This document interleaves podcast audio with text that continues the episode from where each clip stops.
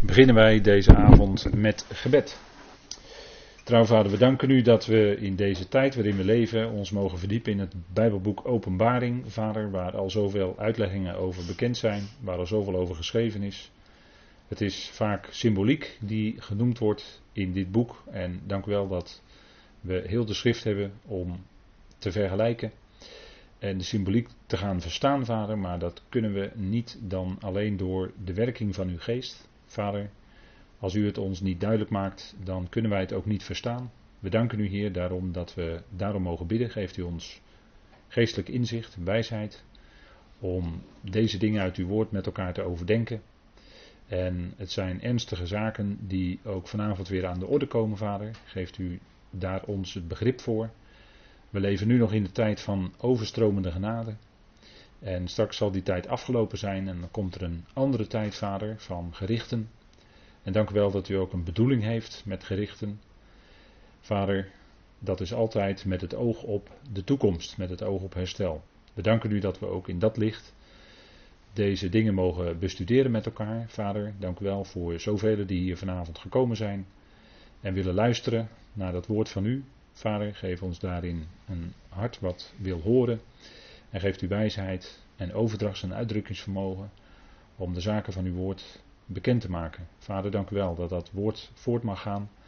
En we bidden u dat dat woord van u snelle voortgang mag hebben.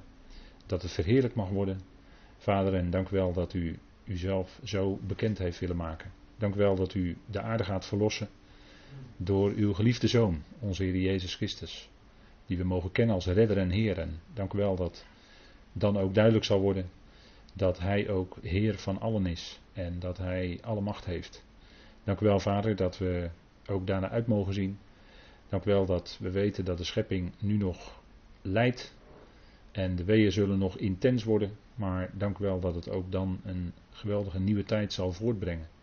Vader, door uw hand geleid. We danken u dat we zo mogen opzien naar u en dank u wel, vader, dat u ook bij hen bent die er vanavond niet bij kunnen zijn. Dank u wel dat u hen erbij bent in hun omstandigheden. Dank u wel dat we, vader, zo u mogen danken, loven en prijzen voor alles wat u geeft. In die machtige naam van uw geliefde zoon. Amen. Goed, wij gaan met elkaar kijken naar openbaring 8. En ik wilde even een aantal uh, versen met u lezen. En dat uh, is allereerst de versen 1 tot en met 5. De versen 1 tot en met 5 als uh, stukje inleiding voor vanavond. En daar staat, en ik lees u voor uit de herziende statenvertaling. En toen het het zevende zegel geopend had, kwam er een stilte in de hemel van ongeveer een half uur. En ik zag de zeven engelen die voor God stonden, en aan hen werden zeven bazuinen gegeven. En er kwam een andere engel die met een gouden wierookvat bij het altaar ging staan. En aan hem werd veel reukwerk gegeven, opdat hij dat, met de gebeden van alle heiligen, op het gouden altaar voor de troon zou leggen. En de rook van het reukwerk steeg, de gebeden van de heiligen, uit de hand van de engel op voor God. En de engel nam het wierookvat en vulde dat met het vuur van het altaar en wierp het op de aarde en er kwamen stemmen, donderslagen, bliksemstralen en een aardbeving. Tot zover. En we hebben de vorige keer eh, stilgestaan bij Openbaring 7. En daar zijn nog een paar aspecten van te noemen. Allereerst wil ik u toch nog even wijzen op het gedeelte waar we nu in bezig zijn van openbaring. Dat is het troongedeelte. En het troongedeelte, dat ziet u ook op deze dia. En het verdient altijd aanbeveling als u luistert, als u daartoe dan op dat moment in staat bent om ook de dia-presentatie erbij te houden. Want daar staat veel informatie op. En die kunt u dan zelf kunt u dingen nazoeken en nog eens nalezen. Maar op deze dia heb ik ook gezet wat het troongedeelte is. Dat loopt vanaf hoofdstuk 4, vers 1 tot en met hoofdstuk 11, vers 18. En dan gaat het om de politieke verlossing van deze aarde. En dat gebeurt natuurlijk door het lammetje, moet ik eigenlijk zeggen. Er staat een verkleining voor hem in het Grieks. De Heer Jezus Christus. En in dat gedeelte zien we drie keer een voorbereidend visioen. Dus drie keer krijgt de apostel Johannes op Patmos een visioen dat als voorbereiding dient op wat hij verder gaat zien. En het eerste voorbereidende visioen hebben we al met elkaar besproken. Dat is hoofdstuk 4, vers 1 tot en met hoofdstuk 5, vers 14. En dan komen die zeven zegels die verbroken gaan worden. U weet wel, die boekrol, zevenvoudig verzegeld. Zeven zegels, die worden allemaal stuk voor stuk verbroken. Zijn we mee bezig geweest. En dan gaat het om dat die aardse regering, over de regering over de aarde, weer bij God terechtkomt. In de dag van de mens is de regering over de mensen in de handen van de mensen gegeven. En we zien wat, waar dat toe leidt vandaag de dag. Allerlei wonderlijke vormen van bestuur. men roept om democratie en dat zou het dan zijn. Nou, er is natuurlijk ook in het verleden sprake geweest van uh, aristocratie. En uh, dictatuur en al dat soort zaken. Koningschap. Uh, noem maar op. Er zijn allerlei vormen geweest. En ja, wat ervan ook zij. In ieder geval wordt het hoog tijd dat de regering over de aarde weer terugkomt bij God. En hij heeft zijn gezalfde al gesteld. Staat in Psalm 2. Hè? Hij heeft zijn gezalfde al gesteld. Alleen het is nog een kwestie van tijd dat de wereld ook gaat zien dat die macht aan die gezalfde gaat toekomen. En daar eindigt dan hoofdstuk 11 van Openbaring ook mee. Dan het tweede, de voorbereidende visioen. Dat zien we in Openbaring 7, vers 1 tot en met 17. Dat hebben we met elkaar besproken. De 144.000 en de grote menigte die niemand tellen kan. Waarbij bij het woord tellen uh, het niet zozeer gaat dat het een ontelbaar grote menigte is. Maar tellen heeft te maken met bezit. Als je iets telt, dan reken je datgene tot jouw bezit. En daarom mocht David eigenlijk niet een volkstelling houden. Hij deed dat toch. En dat leidde tot het gericht bij de boodschapper die stond bij de dorsvloer van Arona, weet u wel. He, 1 Kronieken 24 meen ik. En die, uh, die stopte op een gegeven moment, maar dat was een gericht op grond van het feit dat David volkstelling had gehouden, alsof hij het volk tot zijn bezit kon rekenen. Dat was eigenlijk het punt. En het was niet zijn bezit, maar het is het volk van God. Hè? Het is het volk van Yahweh. En daarom kwam dat gericht. En een dorsvloer is dan ook altijd een uitdrukking van gericht. Ik heb daar wel eens een keer in een zondagdienst over gesproken. Kunt u, uh, kunt u nog nazoeken. Hè? De zeven bazuinen. Daar, uh, dus uh, dat even over die menigte die niemand tellen kan. Dus die niemand tot zijn bezit kan rekenen. Zo kun je het ook lezen, eventueel. Dan is daarna komt uh, datgene waar we ook vanavond mee bezig gaan. Dus de zeven bazuinen. En die zeven bazuinen zou je eigenlijk kunnen zien is een uitbreiding van het zevende zegel. Want het zevende zegel wordt verbroken. En dan gaan die zeven bazuinen geblazen worden. We gaan ze niet allemaal vanavond behandelen, want daar komen we never niet aan toe vanavond. Maar dan de volgende keer. En dan bij de zevende bazuin, daar is altijd verwarring over in de uitleg. Of dat de laatste bazuin, of dat dan ook 1 Korinthe 15 is, weet u wel. Daar is altijd verwarring over, maar dan verwijs ik u naar een artikel in de laatste UR die verschenen is. Kunt u daarover nalezen. Hè? Dus ja, er, wordt soms wel wat gepubliceerd, dus dan daar kunt u profijt van hebben. Dan kunt u precies de verschillen zien tussen de laatste bazuin uit openbaring, de zevende, en de laatste bazuinstoot uit 1 Korinthe 15 heeft u die verschillen op een rij. En dan ziet u waarom dat nooit hetzelfde kan zijn. Absoluut onmogelijk. Maar goed, we gaan er nog naar kijken. De zeven bazuinen, dat is dus een uitbreiding van het zevende zegel. Dan het derde de voorbereidende visioen wat we in dit gedeelte terugvinden is de boodschapper en de open boekrol in openbaring 10. Daar zullen we nog, uh, zo de Heer wil, aan toekomen. En daarna krijg je dus de zeven donderslagen. Dat krijg je ook nog. Dan gaan er ook nog weer dingen gebeuren. Hè? Goed, dat even over die voorbereidende visioenen. Uh, de verschillende groepen in Israël. Daar heb ik de vorige keer niet zo uitgebreid iets over gezegd. Dan wil ik toch nu iets uitgebreider doen. Uh, want in Israël, en dat is dus een onderscheid met de gemeente die het liggen van Christus is. In Israël heb je verschillende groepen. In de gemeente die het lichaam van Christus is, is er geen onderscheid. Uh, daar eindigt gelaten 3 mee. Tussen Jood en Griek, mannelijk en vrouwelijk, slaaf en vrije. Maar Christus is alles in allen. En allen zijn één in Christus Jezus. Dus daarin is geen onderscheid, daar wordt geen onderscheid gemaakt naar het vlees. Omdat die gemeente eigenlijk gezien wordt in Christus en dus in de geest. En is het een eenheid en heb je dus in de gemeente geen verschillende groepen. Dat er in de kerken een, wel een hiërarchie is, hè, met name de Rooms-Katholieke kerk, hè, met de paus en dan de kardinalen en de bisschoppen en de pastores enzovoort. Hè, daaronder, en de leken, niet te vergeten de leken, die mochten eigenlijk de Bijbel niet lezen. En eh, toen kwam de Reformatie, en dat was een streep door de rekening. En toen kwam de Contra-Reformatie, maar daarover later meer vanavond. Daar heb je dus wel verschillende groepen in zo'n kerk, maar dan is, dat is ook een kerk. En dat loopt niet gelijk met de gemeente die het lichaam van Christus is.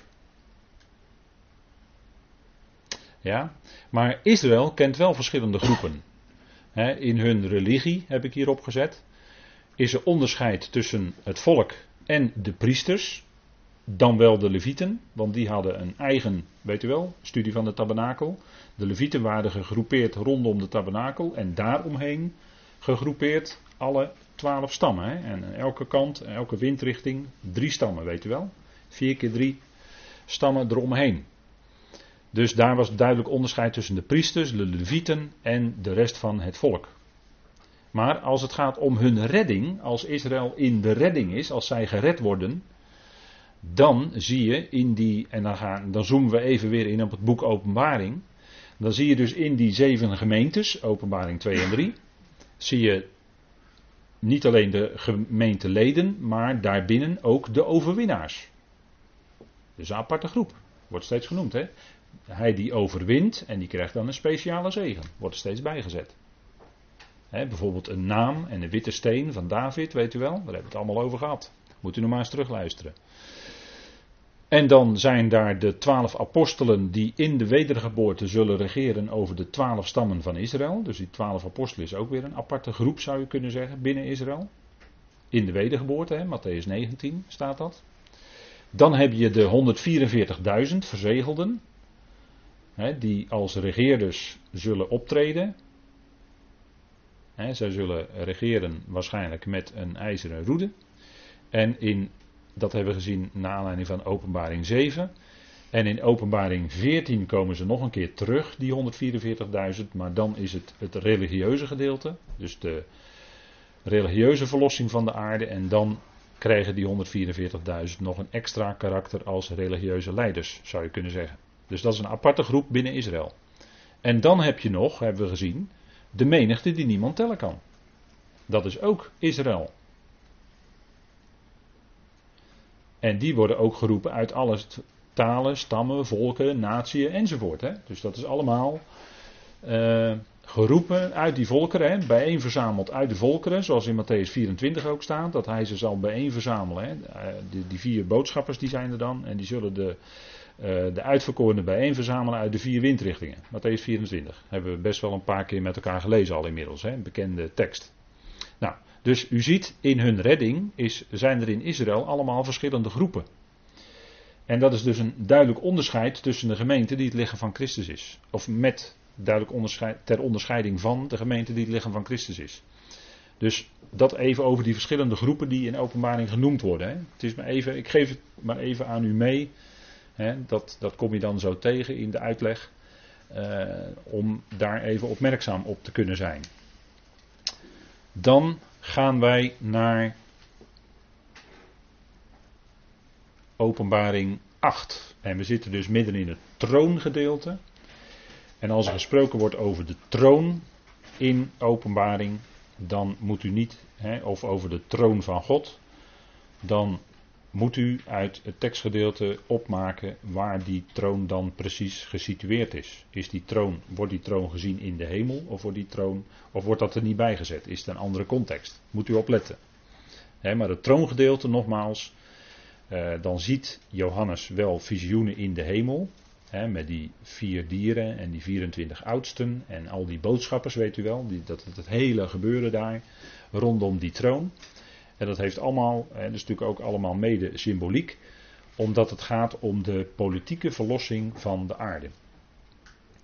En er staat in openbaring 8 vers 1, dat hebben we met elkaar gelezen. En toen het het zevende zegel geopend had. En nu is het die zeven, hè, die zeven is nu weer vol. Zevende zegel. En zeven is, is altijd het getal in de schrift van de volheid. En dan eigenlijk de volheid die met deze schepping te maken heeft. En hier is er dan het getal van de zegels vol. En dan gaat er dus weer verder. De gerichten gaan weer verder zich, uh, hoe moet je dat zeggen, uh, worden weer verder over de aarde uh, uitgegoten. Komen verder naar voren op de aarde. En dan die stilte, hè, de stilte van ongeveer een half uur. Wat heeft dat nu te betekenen? Want het is niet exact een half uur, want er staat een stilte van ongeveer een half uur in de hemel. Nou, dat is natuurlijk ook. Het, het gaat natuurlijk om de stilte op dat moment. Het is even stil. Je zou denken dat zegel wordt verbroken, maar nu is er ineens stilte. En wat betekent dat? het, het lijkt net alsof iedereen die daarbij betrokken is, die dat gericht gaat zien voltrekken, dat die als het ware de adem inhoudt. En, en die vier dieren, of die vier levende wezens, de 24 oudsten, de boodschappers, ze zijn allemaal stil. Er was stilte in de hemel. He, kwam er een stilte van ongeveer een half uur in de hemel. Dus alles valt even stil. Er waren lofzangen te horen enzovoort. Dat zag Johannes en hoorde Johannes allemaal. Maar nu is het stil. De boodschappers houden zich stil. De heiligen, 144.000, ze zijn verzegeld. Johannes heeft het gezien. De bazuinen zijn gereed, hè? die boodschappers die staan klaar en toch is de, die stilte.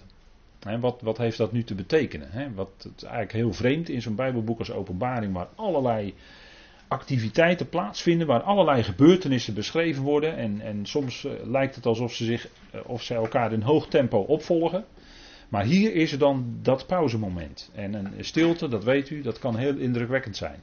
Als dat tijdens een voetbalwedstrijd gebeurt, eh, omdat iemand, eh, een bekende voetballer of een, een, trainer of wat dan ook overleden is, dan is dat heel indrukwekkend. Dan valt ineens dat hele stadion stil. Iedereen staat stil en is een minuut stil. Of, eh, een, misschien een veel beter voorbeeld, bij de herdenking op 4 mei van de gevallenen hè, in allerlei conflicten, dan is het 1, 2 minuten stil. En dat is indrukwekkend als, dat, als je dat daar ziet op de dam. En dan wordt daarna de last post geblazen. Nou, dat is indrukwekkend. Zo'n stilte. En dat is hier in de hemel natuurlijk ook. Nog veel indrukwekkender, hè? want hier gaat het om de hele, hè, om de verlossing van de hele aarde. En waarom is er nu die stilte? Nou, kijk, het gaat hier om gerichten. En gerichten in de schrift, die zijn altijd ter correctie. Een gericht bij God is nooit een doel op zich. En als God een gericht uitvoert, dan zegt Jezaja 28, en dat heb ik al meerdere keren aangehaald, dat het zijn vreemde werk is. Een gericht uitvoeren is Gods vreemde werk. 2000 jaar lang hebben we overstromende genade. En dan komt een korte tijd van gerichten. Als je het afzet tegen die 2000 jaar, zijn de jaren waarin deze gerichten plaatsvinden maar heel kort, gaan snel voorbij. En als God gericht gaat houden, is het ter correctie. En als hij het doet, is het heel zorgvuldig. Hij is niet als een mens die misschien in een, eh, in, in een hevige driftbui of opgeklopte woede ineens uh, in blindheid niet meer weet wat hij doet. En misschien pas later bij zinnen komt uh, wat, wat, wat die, die mens komt misschien pas later bij zinnen wat er dan daadwerkelijk gebeurd is in die vreselijke driftbui. Enorme schade aangericht. Maar bij God is dat niet zo. Als God verontwaardigd is, dan duurt dat A, het duurt heel lang voordat er een daadwerkelijk een gericht voortkomt vanuit die verontwaardiging. En B, als God dan ook daadwerkelijk een gericht uitvoert, dan is het kort en wel hevig, maar ook berekend. Heel zorgvuldig berekend. Het is geen wraak nemen om maar wraak te nemen. Nee, het is eigenlijk, en dat hebben we wel eens gezien aan de hand van het Hebreeuwse woord, daar zit ook iets in van herstel. In het Hebreeuwse woord voor wraak zit ook eigenlijk ten diepste iets van herstel. En dat is het ook precies. Een gericht van God is ook ter correctie, tot herstel. En dat zal ook het gericht zijn van de grote witte troon. En misschien dat we bij deze besprekingen daar nog aan toekomen. En dan eh, zullen we daar zeer uitgebreid, uh, denk ik wel, over kunnen spreken met elkaar. Maar ook dat gericht van de grote witte troon is niet zomaar een gericht om, om iedereen die daar staat voor eeuwig te verdoemen. Nee, het is tot correctie. Het is bedoeld tot herstel. En al het gericht in de schrift is aan de zoon gegeven.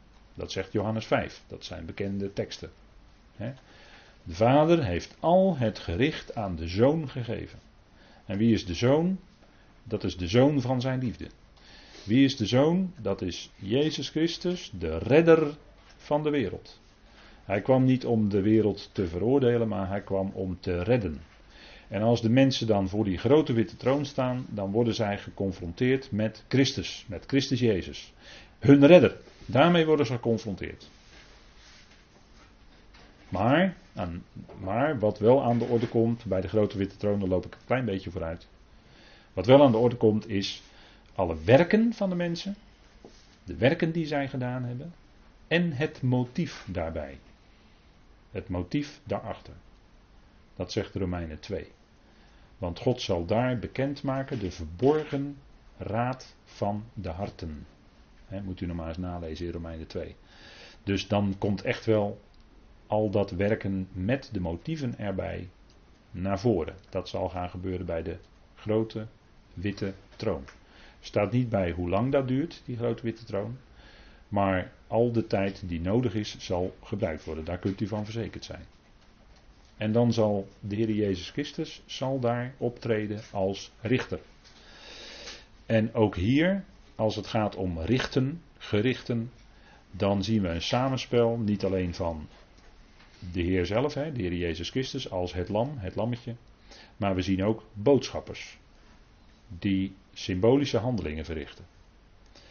En als het gaat om gerichten, dan zou je kunnen zeggen, daar is daar is Christus bij betrokken, uiteraard. Daar zijn boodschappers bij betrokken. Terwijl, hè, dus dat is, zou je kunnen zeggen, dat zijn tussen personen, om het zo maar te zeggen, tussen God en de mensen. Maar als het gaat om het lichaam van Christus, dan is het Vader zelf die roept. Dan is het directe verbinding tussen de Vader en zijn zonen. Dus dat geef ik maar even mee als gedachte, want daar komen we later nog wel op terug. Maar het is geen wraakzuchtige uh, vergelding om maar wraak te nemen bij God, want God is geen mens. Maar het gaat om een zorgvuldig berekende verontwaardiging. Dus als het ware, nu komen de gerichten, nu gaat het komen, denkt iedereen, maar toch even een half uur stilte, even wachten, even. Het is als het ware alsof God zich even inhoudt, om dan daarna die gerichten te gaan doen plaatsvinden. Maar we zien dus dat er geen overhaaste actie is. God neemt gewoon even een half uur. Hè, er is gewoon even een half uur stilte. Zo kun je ernaar kijken. Zo kun je ernaar kijken. En dat is denk ik. Uh, uh, ja, misschien wat anders dan. Uh, er zijn natuurlijk allerlei interpretaties wat dit dan betekent. Maar ik denk dat dit overeenstemt met hoe God is. Je zou ook kunnen zeggen: het is stilte voor de storm. Hè? Vlak je ziet soms een storm in de verte komen en dan kan het daarvoor kan het heel stil zijn. En ook wel drukkend, benauwd. Hè, maar ook heel stil. Als, hè, dan is er geen zuchtje wind. En dan de, de vogels zoeken er goed heen komen, want die voelen dat ook aan op een of andere manier. En dan is het eigenlijk wachten op die storm die gaat komen. En de profeet Habakkuk, die zegt ook iets moois als het gaat om gerichten.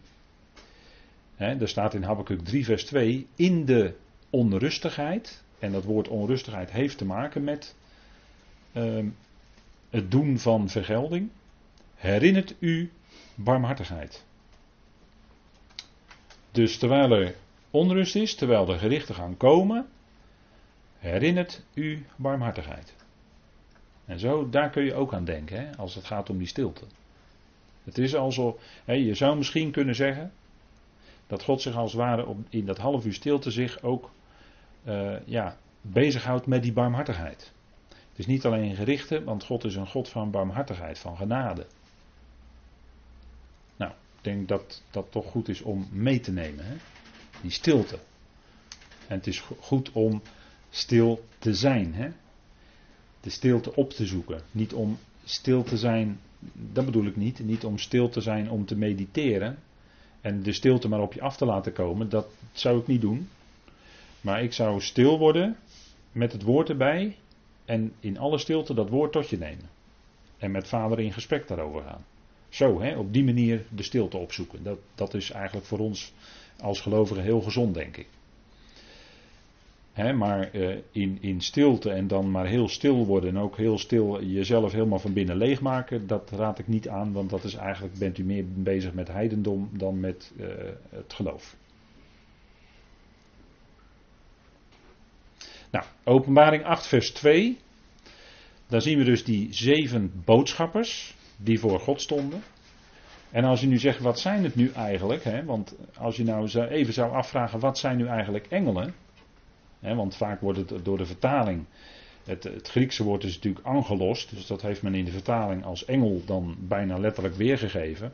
Maar als je nou zegt, wat is nou een engel? Nou, de functie van zo'n wezen is eigenlijk dat hij boodschapper is. Maar het beschrijft alleen wat hij doet, hè? een boodschap overbrengen. Boodschapper zijn. Maar het zegt nog niets over het wezen van zo'n hemeling, om het zo maar te zeggen. Nou, in ieder geval, Hebreeën 1, dat geef je dan mee. Hebreeën 1 zegt dat het ook geesten zijn. Maar dat staat ook in de openbaring zelf. Want er wordt niet alleen gesproken over zeven boodschappers, maar ook over zeven geesten. Gaan we even terug naar openbaring 1 vers 4, zoeken we even met elkaar op.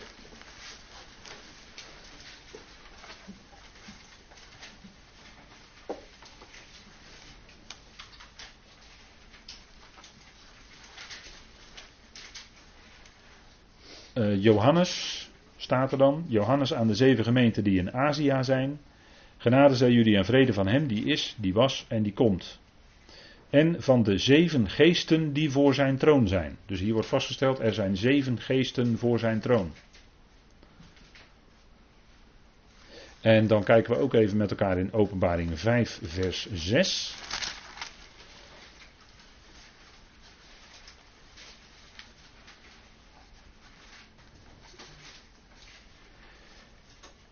En ik zag en zie te midden van de troon en van de vier dieren en te midden van de ouderlingen, oudsten, stond een lam als geslacht met zeven horens en zeven ogen.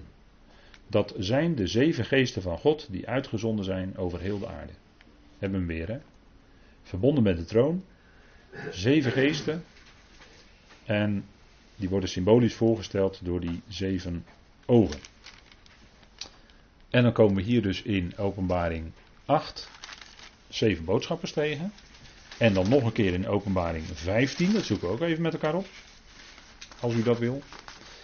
Zoekt u het over met mij op. En dan staat daar. En ik zag een ander teken in de hemel, openbaring 15, vers 1. En ik zag een ander teken in de hemel, groot en wonderbaarlijk, zeven engelen of boodschappers met de laatste zeven plagen. De zeven laatste plagen. Want daarmee zal de toren van God of de verontwaardiging van God tot een einde gekomen zijn. En dat zijn dan die schalen. Hè? De oude vertaling zegt dan violen, maar goed, schalen. Um, en wij vinden bijvoorbeeld een boodschapper van God, een belangrijke boodschapper van God, uh, die bij het altaar ook blijkt te staan, dat is de boodschapper Gabriel. En het zou kunnen zijn dat misschien wel een van deze zeven ook Gabriel is. Omdat deze verbonden zijn met de troon. die boodschapper Gabriel die bij Daniel kwam en tegen Daniel zei, weet u wel, dat hebben we ook besproken met elkaar, tegen Daniel zei, Daniel, gij zeer beminde man. aan jou zal die onthulling van die 70 zevens gegeven worden. Dat zijn dus de zeven boodschappers die voor God stonden. En op dit plaatje hier op deze dia ziet u ze weer afgebeeld met die bekende vleugels, weet u wel. Maar ja, dat is inleg. Het wil helemaal niet zeggen dat een boodschapper vleugels heeft. Want dan verwart men een seraf of een gerub met een boodschapper. Nou, dat wil helemaal niet zeggen dat dat hetzelfde is. Maar u weet het, ze worden altijd voorgesteld met vleugeltjes.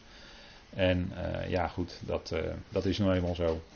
Maar dat uh, hoeft helemaal niet zo te zijn. Hè. Die boodschapper bij het graf, uh, volgens mij, die, uh, die de, de, vrouwen ontmoette, die had volgens mij ook geen vleugels. Zij kenden hem niet in eerste instantie niet eens als een boodschapper. Dus, dus dat is allemaal, ja, door de plaatjes denk je dat het zo is, maar dat wil natuurlijk helemaal niet zeggen dat dat ook werkelijk het geval is. De zeven boodschappers van God. Aan hen werden zeven bazuinen gegeven. Symbolische handeling. Aan hen werden zeven bazuinen gegeven. Zeven, opnieuw het getal van de volheid, hè, Gods volheid. En een bazuin, dat kan twee dingen zijn, want nu wordt het moeilijk hoor. Een bazuin kan twee dingen zijn. Dat kan een shofar zijn. En een shofar is een ramshoorn, zoals u weet. Hebben we wel eens meer over gehad met elkaar. Een shofar is een ramshoorn. En dit kan wijzen op wat gaat gebeuren, namelijk een tekst uit Joel. Joel, de naam wil zeggen ja is God. Hè, Joel. En daar staat blaast de bazuin. Dan staat er in het Hebreeuws het woord shofar in Sion. Want de dag van JW komt, want die is nabij. Een dag van duisternis en donkerte. Een dag van wolken en mistigheid. Dus de shofar wordt geblazen, de dag van JW. Komt met gerichten. Duisternis, donkerte, wolken, mistigheid. Duidt op gericht. Kan een verbinding zijn. Shofar wordt geblazen, dat is een ramshoren. En een ramshoren die had verschillende toepassingen. Natuurlijk deze toepassing. U ziet hier een Joodse man die op die shofar blaast. dat is een heel, heel, heel luid doordringend. He. Daar wordt, in de verte wordt dat gehoord. Dus je kunt erop blazen, dan komt er een klank uit voort. En een ramshoorn is ook datgene waarmee de ram een kracht heeft. En een hoorn in het Hebreeuws is het woord keren. En dat is eigenlijk KRN. En daar hebben wij ons woord kroon van. Want een hoorn is de kracht van het ram. Van de ram. En als er, een, als er horens zijn, dan zijn dat, volgens Daniel, kunnen dat ook koningen voorstellen. een horen duidt op macht, duidt op kracht. Met een horen kun je ook geweld, uh, geweld uitoefenen. Dat, dat is ook de kracht van de ram.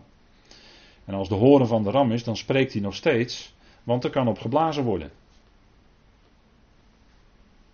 En daarna wordt een horen ook verbonden met koningschap.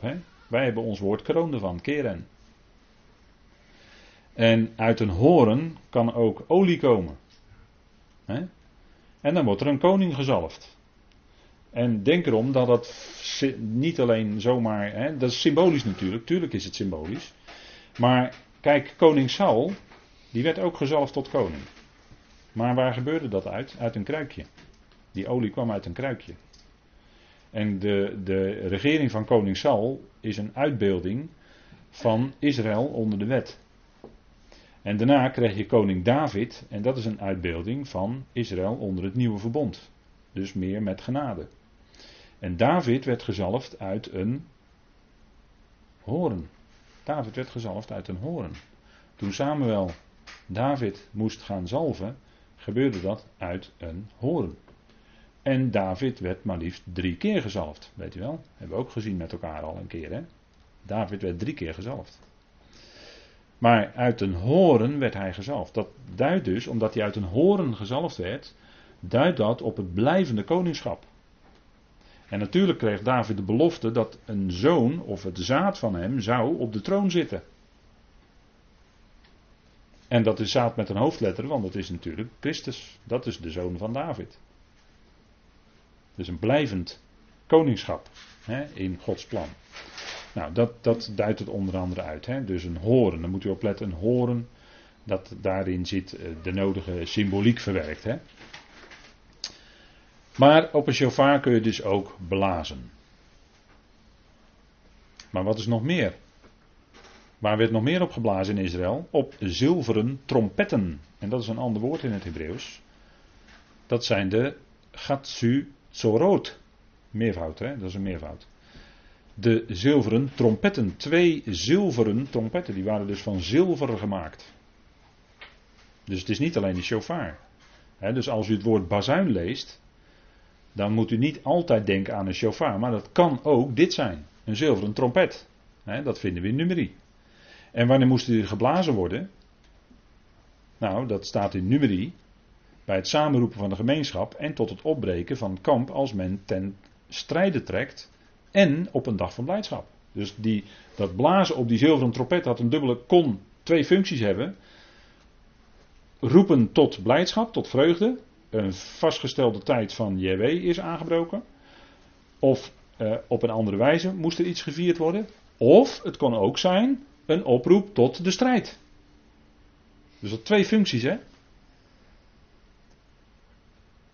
En als het dan gaat om, als we kijken in het Grieks, dan is er één woord, dat is het woord salpix. En dat is de, in de Septuagint de vertaling voor, voor zowel shofar als voor die zilveren trompet.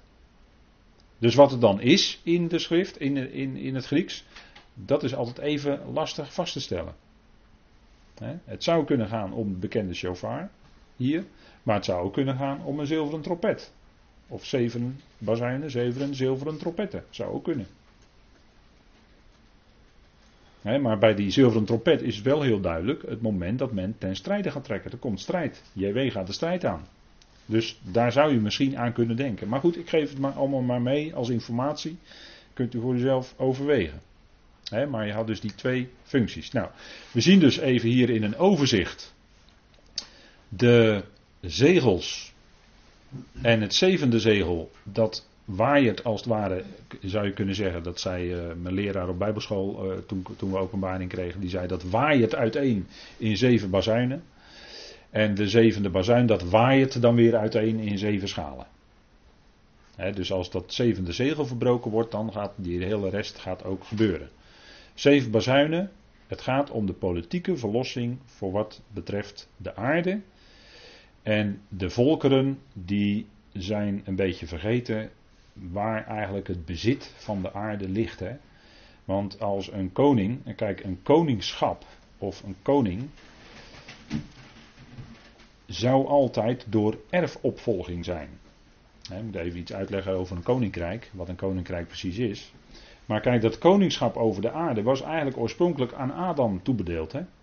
Jij zult, Adam en Eva, jullie zullen die aarde gaan uh, bebouwen en beheersen, regeren enzovoort. Dat, daar was de mens voor bedoeld. Dus Adam was eigenlijk aangesteld als de eerste koning over de aarde, zou je kunnen zeggen. En daarna zou dus dat, dat koninkrijk, hè, dat, die aarde, dat, dat koninkrijk wordt dan ook vererfd. Niet alleen het koningschap, maar ook het koninkrijk. Dat is de gedachte. En als dan dat, hè, dat koningschap of dat koninkrijk vererfd werd, eh, dan zou dat gaan naar de eerstgeborene. Vandaar dat je in Genesis zoveel leest over dat eerstgeboorterecht. En daarom is dat ook zo belangrijk. Abel werd omgebracht door zijn broer Kain. En voor Abel kwam Seth in de plaats. Die gold dan daarna als eerstgeborene, zou je kunnen zeggen. En daarna kent u die bekende geschiedenissen wel. Hè, eh, Jacob en Esau. Esau was eigenlijk de eerstgeborene, maar Jacob kreeg het eerstgeboorterecht. Ismaël en Isaac. Ismaël werd eerder geboren, maar, eh, maar Isaac kreeg het eerste geboorterecht. En bij Abraham zag je dat eigenlijk ook al. Abraham was niet de oudste, maar kreeg toch in feite van God de beloften enzovoort. En het ging allemaal om dat koningschap over de aarde. En vandaar dat je ook die hele lijn ziet in Matthäus 1. En dan staat er ook, Jezus Christus is de zoon van Abraham, de zoon van David. Dat wil zeggen, het gaat hier om erfrecht, het koningschap. Dat koninkrijk, die hele aarde, bij wie dat terecht gaat komen. Nou, zegt Matthäus 1, dat gaat bij Jezus Christus terechtkomen. Eerste vers, Nieuwe Testament, hè? 1 vers 1. Staat het al. Staat in feite al dat God zijn gezalfde, de Heer Jezus Christus, aangesteld heeft tot koning. Wordt natuurlijk tot op vandaag de dag betwist door de mensen. Maar dat zal beslecht worden. En daar gaat ook het boek Openbaring over. Het gaat hier om het bezit van de volkeren. En de volkeren die menen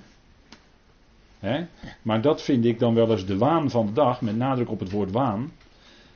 Die menen dat de, het bezit van de aarde hun bezit is. en wij mensen menen dat wij privébezit kunnen hebben. Nou, niet hoor, niet. Kijk, dit gaat men inzetten, even tussendoor, dit gaat men inzetten om straks de controle te kunnen hebben over de mensen. Openbaring 13, dus dan loop ik nu even vooruit naar openbaring 13. Hè. Iedereen krijgt het merkteken. En het is een hele goede mogelijkheid dat men dit geïmplanteed krijgt in de rechterhanden. Zijn, zoals u weet zijn er al uitgebreid proeven mee gedaan en het werkt heel goed. U ziet op die hand daar een rijstkorrel en daarnaast die RFID-chip. Dat is Radio Frequency Identification. Dat is de afkorting daarvan, RFID. En dit is wat men uh, steeds meer erin wil gaan brengen. Er zijn bij dieren en bij mensen uitgebreid op proeven gedaan. Het werkt allemaal prima. Het is niet groter dan in de praktijk dan een rijstekorrel. dus, uh, en daarmee kun je dan, dat heeft allerlei toepassingen. Daarmee kun je dan uh, ook regelen dat uh, niemand kan kopen of verkopen. Hè. Nou zeg ik het even heel kort door de bocht, maar dat is een hele goede mogelijkheid. Hè, maar hier is al heel veel geld in geïnvesteerd om dit allemaal te ontwikkelen. En de ontwikkelingen, zoals u weet, u kunt het allemaal navinden en uh, nazoeken op internet. Maar de ontwikkelingen zijn al heel ver. RFID-chip, dat zit er allemaal aan te komen. Is toch een linkerhand? Uh, dit is een linkerhand op de foto, maar in, uh, dit heel scherp gezien. Maar in openbaring gaat het over de rechterhand of op het voorhoofd. Ja. Ja, ja, ja. ja. Maar sommige mensen schrijven links, dus die beschouwen dat voor zichzelf als rechts en andersom. Ja. Ja, nee, het is de rechterhand. De rechterhand is de beste plek, heeft men al vastgesteld. Of het voorhoofd, hè. dat is medisch uh, gezien ook de beste plek, geloof ik. Ja. Ja. moet ik niet doen, want hij functioneert niet. Nee, nee, nee, precies. Dus het gaat om de rechterhand, zoals, precies zoals in de openbaring staat. Hè. Dus dat is allemaal mogelijk in deze tijd. Dus uh, dat, uh, dat zit er allemaal aan te komen. Maar goed, uh, als het gaat om aanspraken wie nu eigenlijk bezit heeft, dan is dit denk ik erg duidelijk, Psalm 24. Want daar staat: Van Yahweh is de aarde en de volheid ervan. Nou, dan ben je gelijk klaar. Dan ben je gelijk klaar. Dan weet je van wie het is. En alle aanspraken die wij mensen doen, is of door God gegeven. Hè. God geeft aan Israël bijvoorbeeld het land. Maar hij zegt in Leviticus 25: Het land is van mij. Het land is helemaal niet van Het land is van mij. En ik geef het aan mijn volk. En als het volk zich niet houdt aan de, aan de Torah, dan op een gegeven moment zegt God: eruit jullie, ballingschap. Dat stond, dat stond ook in de Torah. Dat stond ook in de Torah. Stond er allemaal. Hè? De zegen en de vloek. En dat ze dan verdreven zouden worden uit het land. En dat ze ook weer terug zouden keren enzovoort. Dat allemaal in de Torah hoor. Maar het land is van God. Het land is van Yahweh. En hier staat zelfs. De aarde is van mij en de volheid ervan. Dus die hele aarde is van God. Het bewoonbare en die daarop wonen. Hij heeft haar op de zeeën gefundeerd en op de rivieren stromen vastgezet. En hoe dan het Bijbelse scheppingsbeeld is, dat, uh, dat is misschien ooit nog eens een keer voor een andere avond. Maar, uh, dus daar gaan we nu even niet verder op in. Maar dit is natuurlijk heel duidelijk. Hè? En de mensheid die, uh, die hè, voorheen tot, tot, laat maar zeggen, toen ging het allemaal veranderen. De Franse revolutie. Hè, 1789. En toen had je in 1793, eh, 94 had je het schrikbewind. Waarbij de hele Franse adel enzovoort onthoofd werd door de guillotine. Hè, het schrikbewind met Robespierre enzovoort. Hè. En later uh, Robespierre zelf ook trouwens, onder de guillotine. Dat had ook zo zijn redenen waarom dat gebeurde. Maar eh, toen heeft men dus dat hele idee van de koningschap, hè, van dat, dat God koningen aanstelt, heeft men willen afschaffen. En eh, daarvoor in de plaats zijn dan gekomen de universele verklaring van de rechten van de mens. Hè, alsof de mens rechten heeft of zo. Hè. Maar eh, kijk, dat hele koningschap is aan de mens gegeven, Adam. Maar Adam was natuurlijk een type van Christus. het, het, moest zo zijn dat de, de, de regering van de mensen, dat heeft God ingesteld. die heeft de regering in de handen van de mensen gegeven. Om aan de mens te onderwijzen dat de mens het zelf niet kan. Maar dat die ene moet komen, de Heer Jezus Christus, die moet komen. Want dan zal er weer geregeerd worden in juiste gerechtigheid en rechtmatigheid. dat zal de duizend jaar ook laten zien. Dat is natuurlijk een periode van onderricht aan de mensheid. Dat het ook zo kan. Het kan ook zo. Als hij regeert met een hoofdletter. Zo kan het ook. En dat is veel beter dan democratie. Dat is veel beter dan aristocratie enzovoort. en dat is een duizend jaar onderwijs. En dan wordt de tegenstander wordt weer voor korte tijd losgelaten. En dan blijkt dat een behoorlijk deel van de mensheid nog niet zoveel heeft geleerd. Want ze zijn binnen de kortste keren weer mee te nemen achter de tegenstander aan en optrekken naar de Heilige Stad. En dan wordt de zaak, nou ja goed, dan is het afgelopen. Maar goed, in ieder geval zal die duizend jaar wel een onderricht zijn aan de mensheid van een juiste manier van regeren. En dat zal voortgezet worden op de nieuwe aarde. Maar goed, dit is uh, van Yahweh. Hè? En dan zien we dus dat, dat uh, in vers 3, openbaring 8, gaan we even terug naar de openbaring. Daar komt dan een andere boodschapper. Dus dat is uh, nummer 8, hè, zou je kunnen zeggen, die gezien wordt. die zeven die staan klaar om te bazuinen. En dan komt er een andere boodschapper. Die met een gouden wierookvat bij het altaar ging staan. En dat gouden wierookvat, dat kennen wij uit de tabernakel. Dat is dit, hè. Prachtig plaatje van de hoge priester. Met uh, bij het uh, reukofferaltaar met het wierookvat. En we zijn daar bij de studie Filippenzen zijn we daar wat dieper op ingegaan. Hè, met aan de hand van het gebed. Maar dan moet u Filippenzen luisteren. Uh, om, daar hebben we gekeken naar de samenstelling van het reukwerk. Hè, zoals het in Exodus staat. Die vier verschillende componenten en het zout. Weet u nog? En anders moet u dat nog maar een keer naluisteren. Maar dat gouden reukofferaltaar is op zich natuurlijk al een type van Christus. Een altaar spreekt altijd van dienst. En goud spreekt van de heerlijkheid van God. Goud spreekt ook van het opstandingsleven van Christus. En dat is ook de heerlijkheid van God. daarin wordt Gods heerlijkheid ook enorm bekend. In de opstanding van Christus. hij is opgewekt door de heerlijkheid van de Vader, staat er. Hij is opgewekt door de heerlijkheid van de Vader. we hebben een aantal keren terug hebben we eens even over, met elkaar over gehad. Dat de opstanding van Christus, dat hij zichzelf niet heeft opgewekt uit de dood. Hij stond op door eigen kracht, kunnen we niet meer zingen. Want er staat nergens in de Bijbel dat het zo is. Hij stond op door zijn vaders kracht. Vader wekte hem op uit de dood. Hij was dood, hij kon zichzelf niet tot leven wekken. En daarom bad hij ook tot degene die hem kon redden uit de banden of de pijnen van de dood. Staat er. Tot degene die hem kon verlossen van die dood.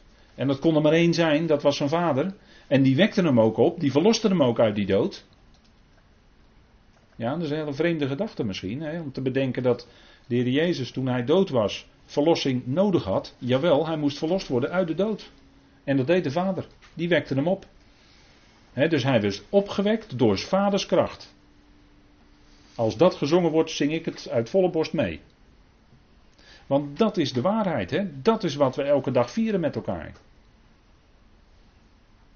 Nou, dat gouden reukofferaltaar, hè, dat, dat is een aangename geur voor God. De gebeden, waar, waar ook het lijden in zat van Christus dat, dat hebben we gezien in die samenstelling. Daar, daar, daar klonk het lijden in door, daar klonk de aanbidding in door. En dat is een aangename geur voor God. en goud, dan loop ik al even vooruit op de tabernakel verder. Maar goud in de tabernakel, dat is altijd de heerlijkheid van God, de opstanding. En dat is iets bijzonders. En daarom kent het Nieuwe Jeruzalem ook straten van goud. Doorzichtig goud. Dat is een heel hoog gehalte heeft het dan. Heel hoog karaat is het dan. als je er doorheen kan kijken.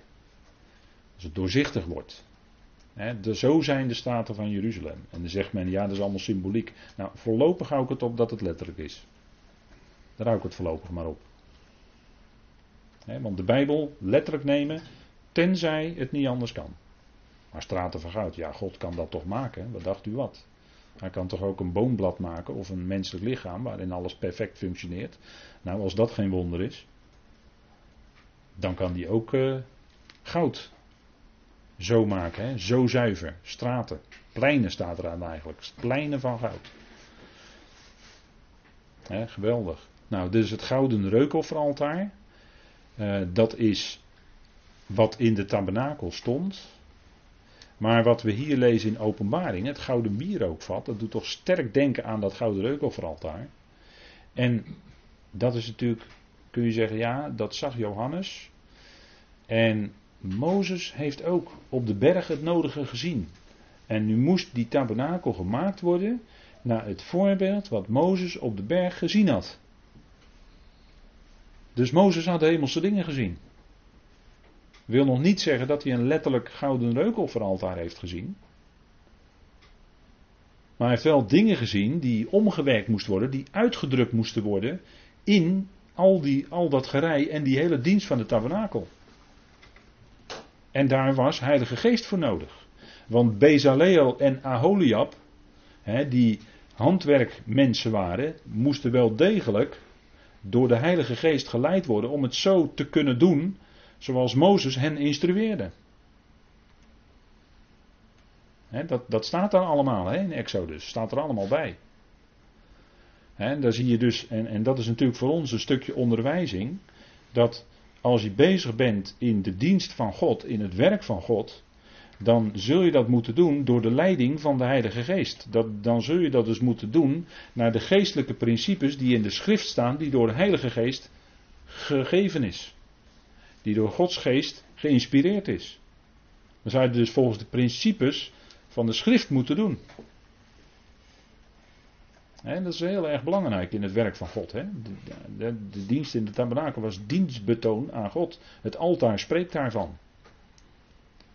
van wat opstijgt van het altaar, dat is eigenlijk een stuk aanbidding. En die aanbidding is dat je volledig staat in die dienst aan God. daarom hebben we ook gezien dat bij het brandofferaltaar bijvoorbeeld, Romeinen 12 vers 1, dat ons lichaam, dat kunnen wij stellen als gelovigen, tot een levend, heilig en God welgevallig offer, staat er dan. Romeinen 12, vers 1. Dat is onze levenswandel en ons dienstbetoon aan God. Daar, want daar gaat het vanaf Romeinen 12, vers 1 over. Hè? De uitwerking van het evangelie in ons leven.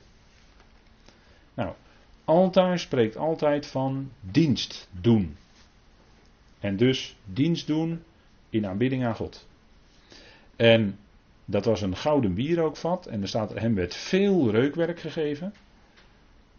Opdat hij zou toedelen aan de gebeden van de heiligen. Dat is een beetje moeilijk. Maar die gebeden van de heiligen, dat reukwerk wat opstijgt tot God, dat zijn eigenlijk die gebeden van de heiligen. dat is eigenlijk algemeen de gedachte altijd. En waarbij kunnen we dan denken aan al de heiligen? Onder andere aan de zielen onder het altaar. Daar kun je aan denken. Ik heb er ook hier een sterretje bij gezet en daarna verwezen. Want die bidden. dat bloed dat roept van de aardbodem. En die zielen onder het altaar, dat zijn gedode mensen. Dus het is niet zo dat mensen dan, als ze dood zijn, leven. Nee, ze zijn dan dood. Maar dat bloed roept van de aardbodem. Dat is de symboliek, net als het bloed van Abel riep tot de aardbodem, van de aardbodem tot God. Hè. Dat, dat, uh, ik had het net over Abel, maar dat bloed van Abel, dat riep ook tot God. Hè. Nou, zo zal het bloed van die martelaren uit de grote verdrukking ook roepen. Dat hebben we met elkaar gezien bij het vijfde zegel. Op het gouden altaar, de gebeden van al de heiligen op het gouden altaar voor de troon. En wat bidden zij dan?